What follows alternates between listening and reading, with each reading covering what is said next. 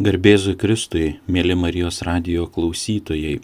Prie mikrofono kunigas Juozas Fakėjevas, Zapyškio Švento Jono Krikštitojo parapijos klebonas.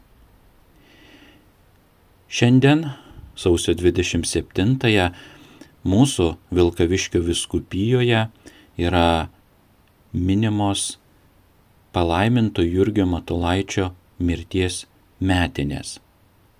Ir šio arkivyskupo, kilusio iš Vilkaviškio viskupijos, šūkis buvo nugalėk blogį gerumo. Tad šiandien, siejant palaimintą Jurgį Matulaitį, jo tikrai katalikišką, tėvišką ir šventumo pavyzdį, apmastykime šventojo rašto kontekste šitą jo šūkį. Taigi mokymas vadinasi nugalėk blogį gerumu pagal apaštalo Pauliaus laiško romiečiams 12 skyriaus nuo 20 iki 21 eilutės. Tačiau, kalbant apie eilutę, švento rašto įsireiškimą ar kelias eilutes, reikėtų žinoti ir kontekstą, kadangi išėmus iš konteksto švento rašto sakinį, posakį, ištarmę, mes turime jį suprasti. Taigi, apaštalo Pauliaus laiškas romiečiams 12 skyrius, perskaitykime nuo 19 iki 21 eilutės. Nekeršykite patys, mylimieji, bet palikite tai dievų rūstybei, juk parašyta. Mano kerštas aš atmokėsiu, sako viešpats. Verčiau, jei tavo priešininkas alksta, pavalgydink jį, jei trokšta, pagirdik jį. Taip darydamas, tu krausi žarijas ant jo galvos. Nesiduok pikto nugalimas, bet nugalėk piktą gerumo. Pradžiai linksma istorija, anegdotas, kuris prisimena, beskaitant šitą švento rašto vietą. Pas jauną vikarą ateina mo moteris, parapietė, katalikė, ištikėjusi ir ji guodžiasi jaunajam kunigui, sako, susituokę jau esame apie dešimt metų, lik ir viskas buvo gerai iki šio momento, bet paskutiniu metu mano vyras gavęs atlyginimą, vis su draugais kažkur dinksta, e, grįžta su kvapeliu, pagėręs, nebendrauja su vaikais, nepadeda jiems, taip pat man, auklint vaikus, rūpinantis bendru namų ūkiu. Žinokit ir geruoju, ir blogoju kunigė jau prašiau, grasinau, pykau, Nežinau, ką bedaryti, godžiasi moteris jaunajam kunigui. Kunigas neseniai baigė seminariją, gavė šventimus, jisai cituoja būtent šitą švento rašto vietą. O jūs jam darykite gerą, tarė kunigas. Pavalgydinkite, kai jis grįžta alkanas, pagirdykite, kai ištroškęs. Taip darydama gerą savo priešui, krausite žarijas ant jo galvos. Moteris susimastė ir tarė, hm, karštą vandenį bandžiau, keiksmažodžius bandžiau, bet žaryjo galvos ant galvos dar nebandžiau dėti savo vyrui. Nebandykite to daryti savo namuose su savo sutuktiniu. O dabar prie švento rašto ištraukos grįžkime, mąstykime žvelgime, pritaikykime. Iš tiesų, Paulius, rašydamas apie žarijas, cituoja Senojo testamento patarlių knygą 21 skyriaus nuo 21 iki 22 eilutės, o jos skamba taip. Jei tavo priešas yra alkanas, pavalgydink jį duoną, jei jis yra ištroškęs, pagirdik jį vandeniu, nes taip krausi jam žaryjo ant galvos ir viešpats tau atlygins. verta išsameu išnagrinėti, ką reiškia frazė krausi žaryjas ant jo galvos. Vienas iš komentarų sako, kad tai reiškia vieną iš egiptiečių ritualų, pagal kurį žmogus, norėdamas parodyti, kad kažko labai gailisi, turėjo ant galvos nešioti puodą su karštais anglimis. Atsižvelgianti tai, krauti žaryjas, tai priversti priešą atgailoti, tai yra pripažinti savo blogą elgesį. Kitame komentare įsakoma panaši mintis - mūsų geranoriškumas gali priversti skriaudiką atvesti iki atsivertimo arba bent jau tiek sugėdinti, kad jo elgesys bus ištaisytas. Čia jau sakoma, kad ir sugėdinti priešą. Žiūrint plačiau į Biblijos vertimą, tai citatos formuluotė ir Senojo testamento patarlių knygos praktiškai nesiskiria. Bet pastebima taip pat minima egiptiečių tradicija, kai žmogus neždavo ant galvos pintinę su anglimis, jog parodytų savo gėdą ir kaltę. Tuo remiantis daroma išvada, kad gero darimas priešui gali sukelti jiem gėdą ir atgailą. Pažvelgus į kitokį tos vietos Biblijos vertimą, joje paprasčiausiai sakoma, kad darydamas gerą tu ant priešo galvos surinksi gėdos žarijas. Tikėtina, kad taip galėjo būti. Tačiau verta paminėti ir tai, kad Paulius cituoja šitą švento rašto vietą jau pirmajame amžiuje po Kristaus, todėl vargu ar šis senovės Egipto paprotys galėjo būti plačiai žinomas romėnams ir kitiems krikščionėms, visoje Romos imperijoje su graikų kultūra. Jei Saliamonui patarlių knygoje šis paprotys ar ritualas savaime galėjo būti suprantamas, tada jau Pauliaus amžininkams atrodo, tai nėra taip akivaizdu. Galbūt dėl šitos priežasties egzistuoja ir daug kitų nuomonių apie šitos frazės ir šito pamokymo reikšmę. Pavyzdžiui, Keletas bažnyčios iškilių žmonių, kaip Augustinas, Jeronimas, Ambrozijus ir kiti, taip komentuoja šią vietą.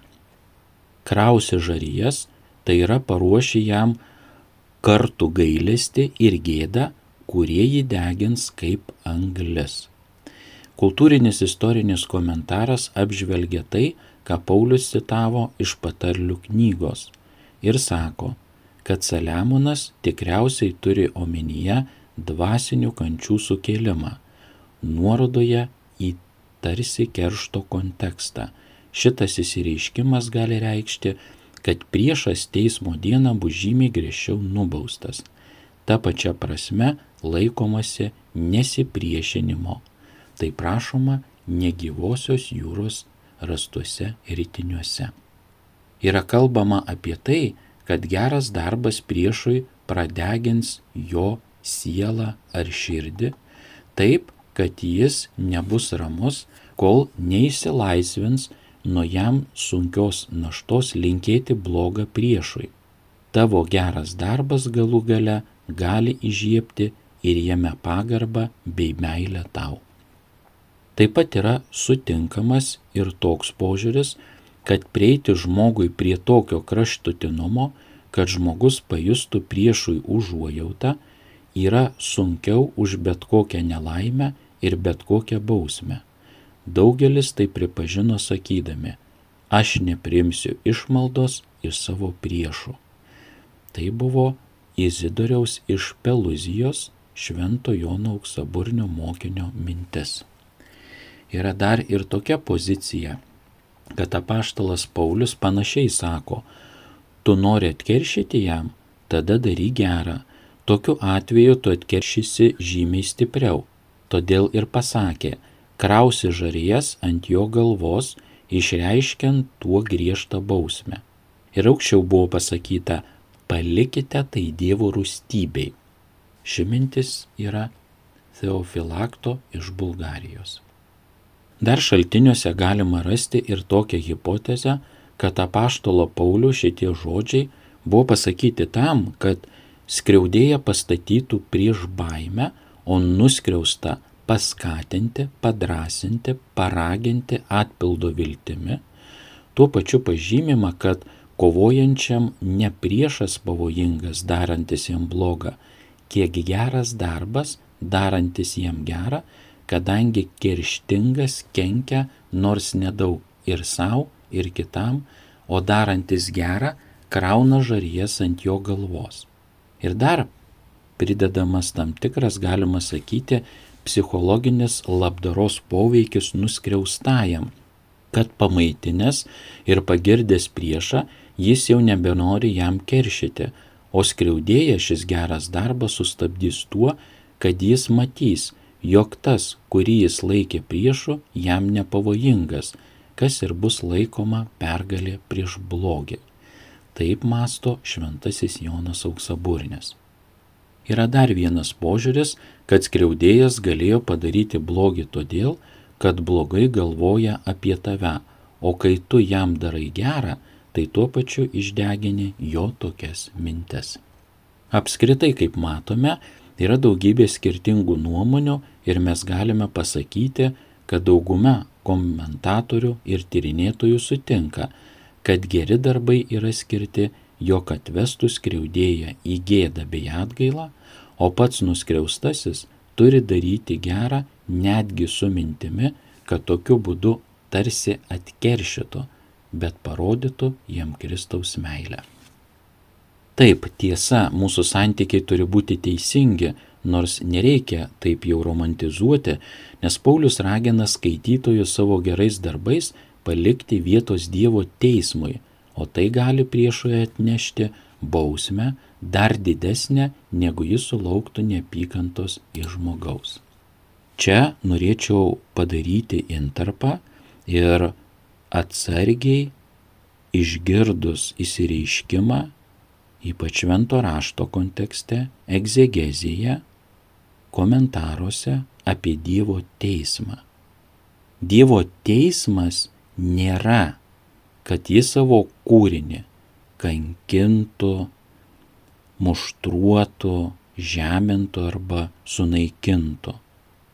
Bet jis duoda galimybę per išbandymą, sunkumą, nukreipimą visai ne taip, kaip mes norėjome, ypač skriaudiko atžvilgiu, pamokyti, atgailoti, suprasti ir pasikeisti padaryti atsivertimą, graikiškai Naujajam testamente tai vadinama metanoja - pakeisti mąstymą ir gyvenimo būdą. Dievo teismas yra tėviškas, auklėjantis, kviečiantis savo širdies sielos mintis pakreipti Dievop į gerą. Todėl kalbėti apie tai, kad mes darom gerus darbus priešams su tuo, kad ir jiems visiškai nenorėti bausmės, nereikalinga. Juk mes tuo pačiu atveriam duris Dievo bausmiai ir suteikiam galimybę pasireikšti Dievo teisingumui. Taip pat noriu atkreipti dėmesį, mes sakom, žmonės vykdo teisingumą. Tai vienintelis dalykas, ką žmonės daro, norėdami, pavyzdžiui, baudžiamajam kodekse arba labai rezonansiniai byloj įvykdyti teisingumą. Jis būna be gailestingumo, be gailėšio. Dievo teisingumas visada ir būtinai eina su gailėšiu. Dievas vykdydamas teisingumą yra kartu gailestingas teisingumas ir gailestingumas iš Dievo eina kartu. Taip, mes nesuvedame patys su kažkuo sąskaitas, tačiau vis dėlto kalba eina apie tai, kad skriaudėjas galėtų priimti bausmę iš Dievo. Galbūt ir taip, kad mūsų geras darbas pažadins atgailoti ir tada atsiras galimybė parodyti Dievo gailestingumą šiam žmogui, nors pasėta blogio sėkla vis tiek gali pasijusti.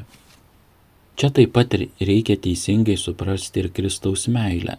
juk šventasis raštas neragina mus pagal raidę mylėti priešą, kaip mes mylime savo artimuosius, savo šeimos narius, o kalba čia eina apie gailestingumą ir apie tai, kad jį parodytume. Taip pat verta atkreipti dėmesį, kad kalba eina apie tai, kad pavalgydinti ir pagirdyti priešą, kai jis alkanas arba ištroškęs, tai yra, kai to tikrai reikia, o ne iš gero gyvenimo.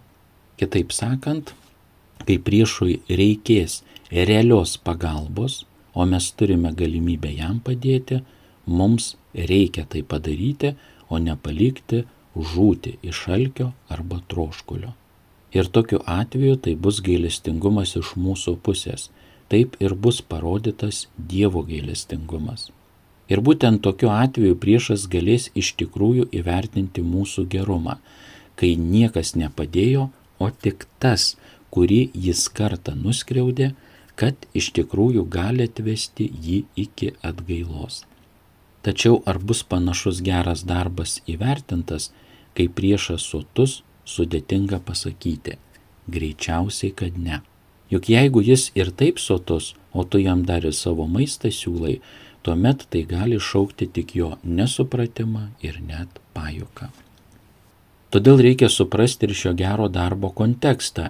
Priešui to reikia ir savo situaciją, kurioje gali atsidurti krikščionis, juk kalba neina apie tai, kad daryti gerą priešui tada, kai jam nieko netrūksta.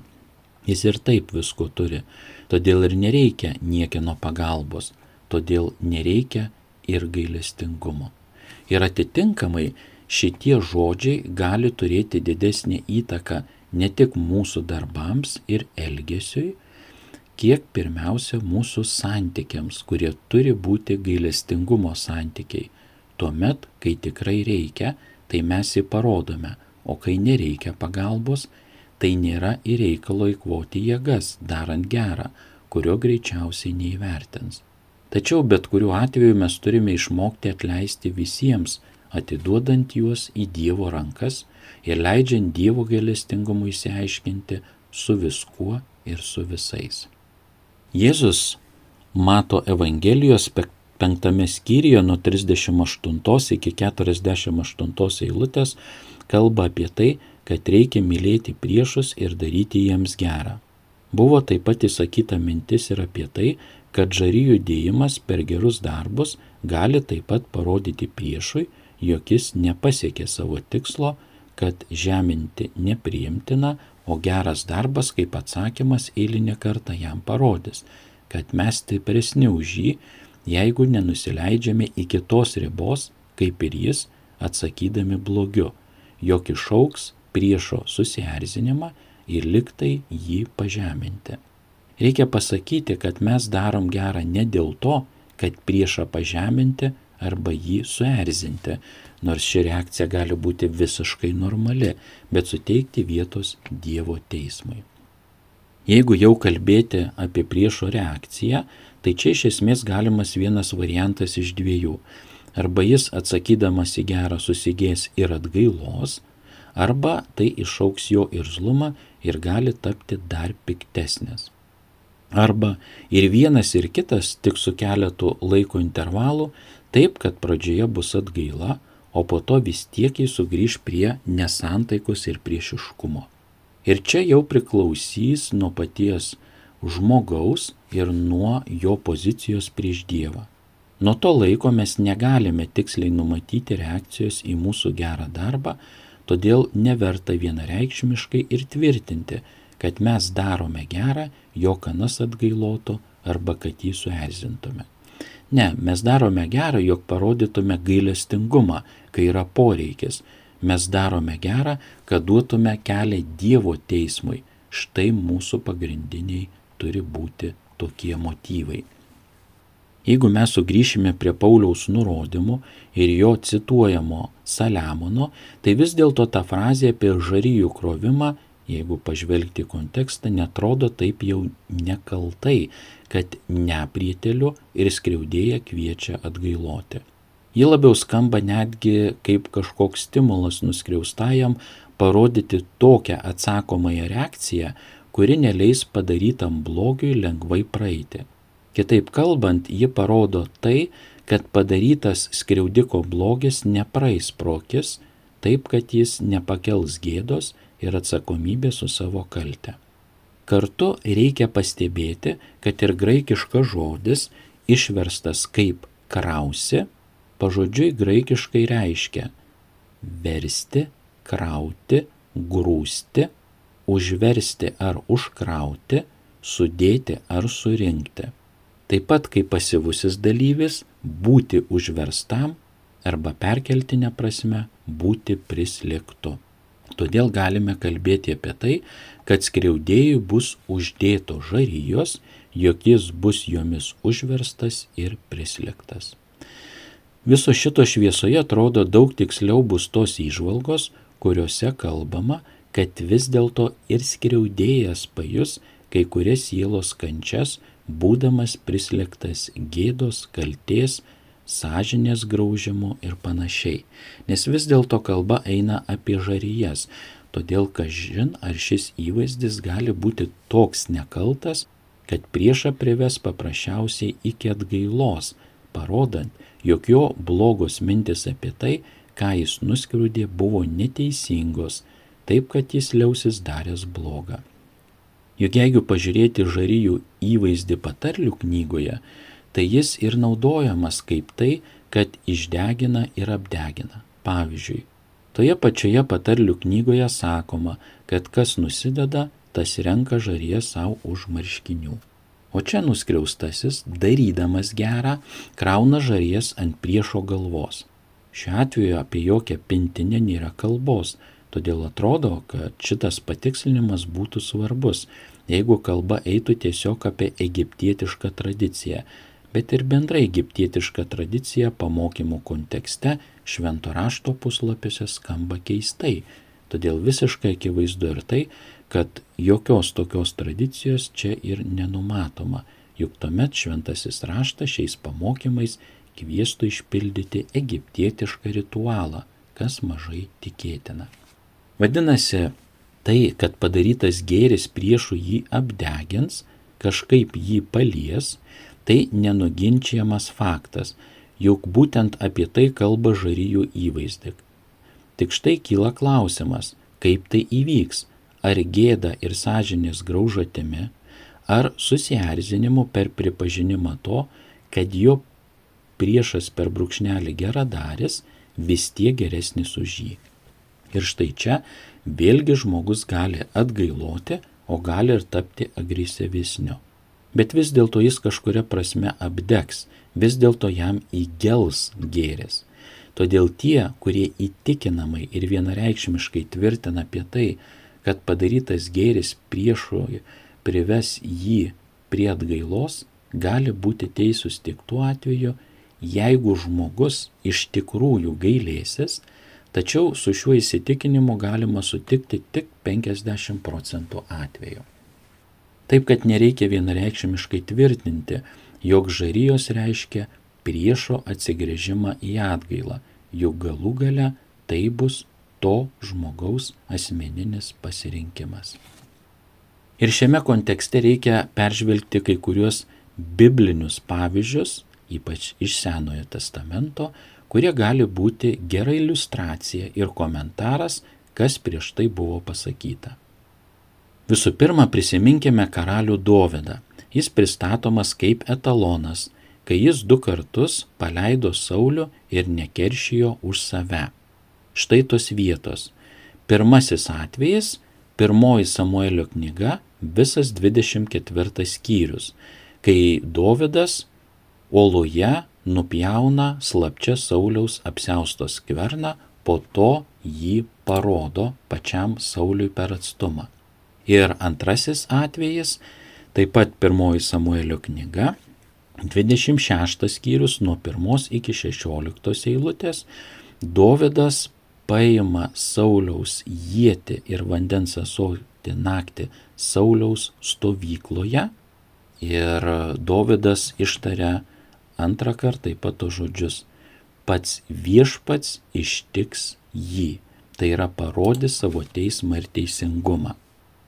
patartina perskaityti pilnai šias paminėtas ištraukas iš pirmosios Samuelio knygos, kad žinotumėte kontekstą. Gerai, Dovydas pasielgė gailestingai ir kilneširdiškai. Jis iš tiesų nesileido į kovą už sostą, kaip tai daro įprastai žmonės. Štai todėl ir nepašalino savo konkurento, leisdamas Dievui atvesti jį į karaliaus sostą, o nepašalinus Saulių ir kabutėse neišvaliu savo vietos į sostą savarankiškai. Ir čia galime pamatyti tą kontrastą to, kaip Dovydas galėjo tai padaryti savo jėgomis su tuo, kaip tai turėjo padaryti Dievas. Taip, tai buvo Dievo planas Dovydui užimti sostą. Tačiau jeigu pats Dovydas būtų leidęsis į intrigas ir nužudė Saulių, tai jau nebebūtų Dievo kelias. Taip, kad tokiu atveju šios žmogiškosios pastangos galėjo Dovydą nuvesti tik į nuodėmę prieš Dievą, o ne Dievo plano įvykdymo skirto Dovydui. Tai parodo, kodėl mums svarbu eiti Dievo keliu ir kodėl svarbu, kad tai padarytų Dievas, kad mes tik savo jėgomis nepriskaldytume skiedrų, nenusidėtume, neduok Dievę ir nesutrukdytume išpildyti Dievui planą, kuris skirtas mums. Galima spėti, kad Dievas, pasirinkdamas Dovydą, žinojo jo širdį dar ir todėl, kad jis nepadarys šitos klaidos, nenužudys Sauliaus, kad pats galėtų žemti sostą, nors sostas ir buvo Dievo planas jam. Tačiau jis turėjo būti gautas visiškai kitų būdų - Dievo gale ir Dievo keliu. Nors du kart pas Dovydą buvo tokia galimybė susidoroti su savo priešu, persekiotoju Sauliumi, pirmojo žydų karaliumi, Tačiau jo požiūris nekarta parodė, kad jis nelaikė Sauliaus savo priešų ir netgi nusprendė geriau pasitraukti į kitą šalį, negu jį nužudyti. Todėl štai pavyzdys, koks turi būti požiūris į persekiotojus, leidžiantis Dievui išsiaiškinti su skriaudėju. Taip pat šis pavyzdys parodo ir tai, kad atsukti kitą žandą nereiškia save leisti sunaikinti, juk Dovydas neleido timti savo gyvybės, pasislėpęs kitoje šalyje, tačiau ir pats nesikėsino į Sauliaus gyvybę. Vadinasi, ir mums kelyje į tikslą reikia turėti teisingą požiūrį, kad kai bus provokacijos, mes joms nepasiduotume ir nepadarytume blogos kriaudėjams, kaip ir Dovydas du kart paleido Saulių, tuo pačiu leisdamas Dievo gali išpildyti savo darbą. Ir jeigu pažiūrėti šitą Dovido elgesį, tai ar juos galima pavadinti parodytų gerumu ir gailestingumu Sauliui? Žinoma, nors jis teoriškai ir nepamaitino ir nepagirdėjo, ar Dovydas krovė žarė Sauliui ant galvos? Vienareišmiškai taip. Saulių apdegino, jam įgėlė, kai Dovydas parodė jam jo drabužio atraižą ir jis pasakė, kad gailisi Bet ar ilgam užteko šito Sauliaus atgailojimo? Saulius gailėjosi, o po to vėl persekiojo Dovydą, kol Dievo teismas viso šito neužbaigė, kol Saulis nežuvo nuo savo priešų rankos. Tai buvo atpildas ir bausmė už Dievo pateptojo persekėjimą. Šita istorija parodo, kad priešas gali atgailoti, bet gali ir net gailoti arba atgailojęs gali vis vien tapti žiauresniu. Todėl mes, kai darome gerą, turime tai atsiminti ir todėl nelaukti tik atgailos, juk tai priklausys nuo paties žmogaus. Taip pat yra kitas pavyzdys, kai Eliziejus į Samariją atvedė sirų būrį, kuris turėjo jį užimti ir juos ten pamaitino, pagirdė ir paleido namo. Ir šventas raštas sako, kad ta kariuomenė, pulkai daugiau netėjo Izraelio žemę.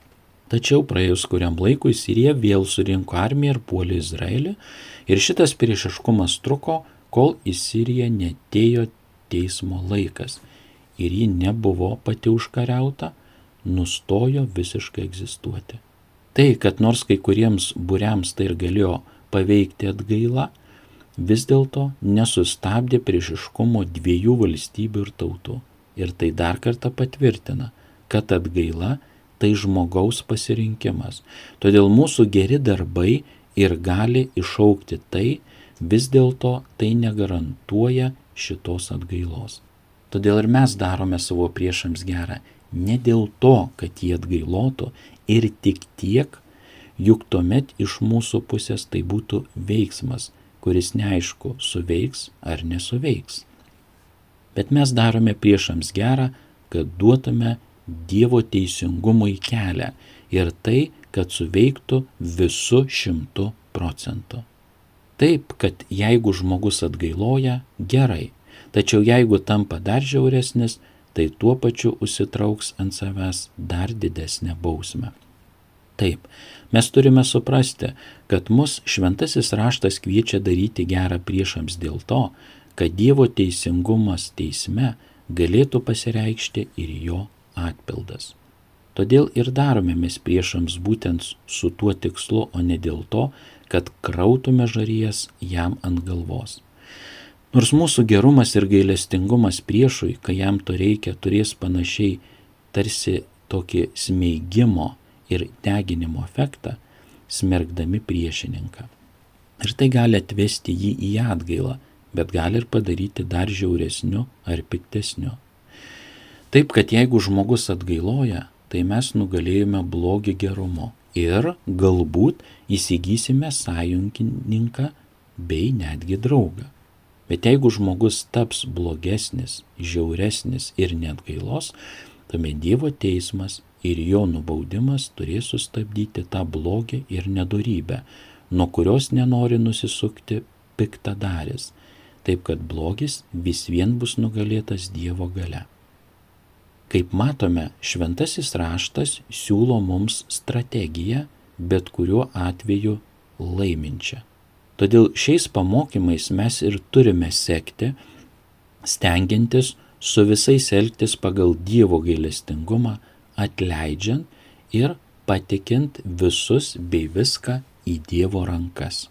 Ir tai ne tik duos galimybę Dievui užstoti mus, bet ir prisidėti prie įgyvendinimo mums skirto Dievo plano, taip, kad mes nebūsime sustabdyti jokios provokacijos kelyje kaip Dovydas. Štai kodėl mums svarbu turėti ir saugoti teisingą požiūrį į visus ir į viską. Būkime pilni Dievo dvasios, kad peržengtume savo piktumą, nepykantą, norą sutriuškinti, sumenkinti ar net sunaikinti savo priešą, kuris mums daro blogą. Kristus yra pavyzdys, kuris save sunaikindamas parodė tikrąją meilę. Mums irgi kartais reikia save sunaikinti, kad parodytume Dievo meilę ir savo autentišką gryną krikščioniškumą. Prie mikrofono buvo kunigas Juozas Fakėjevas. Sudie.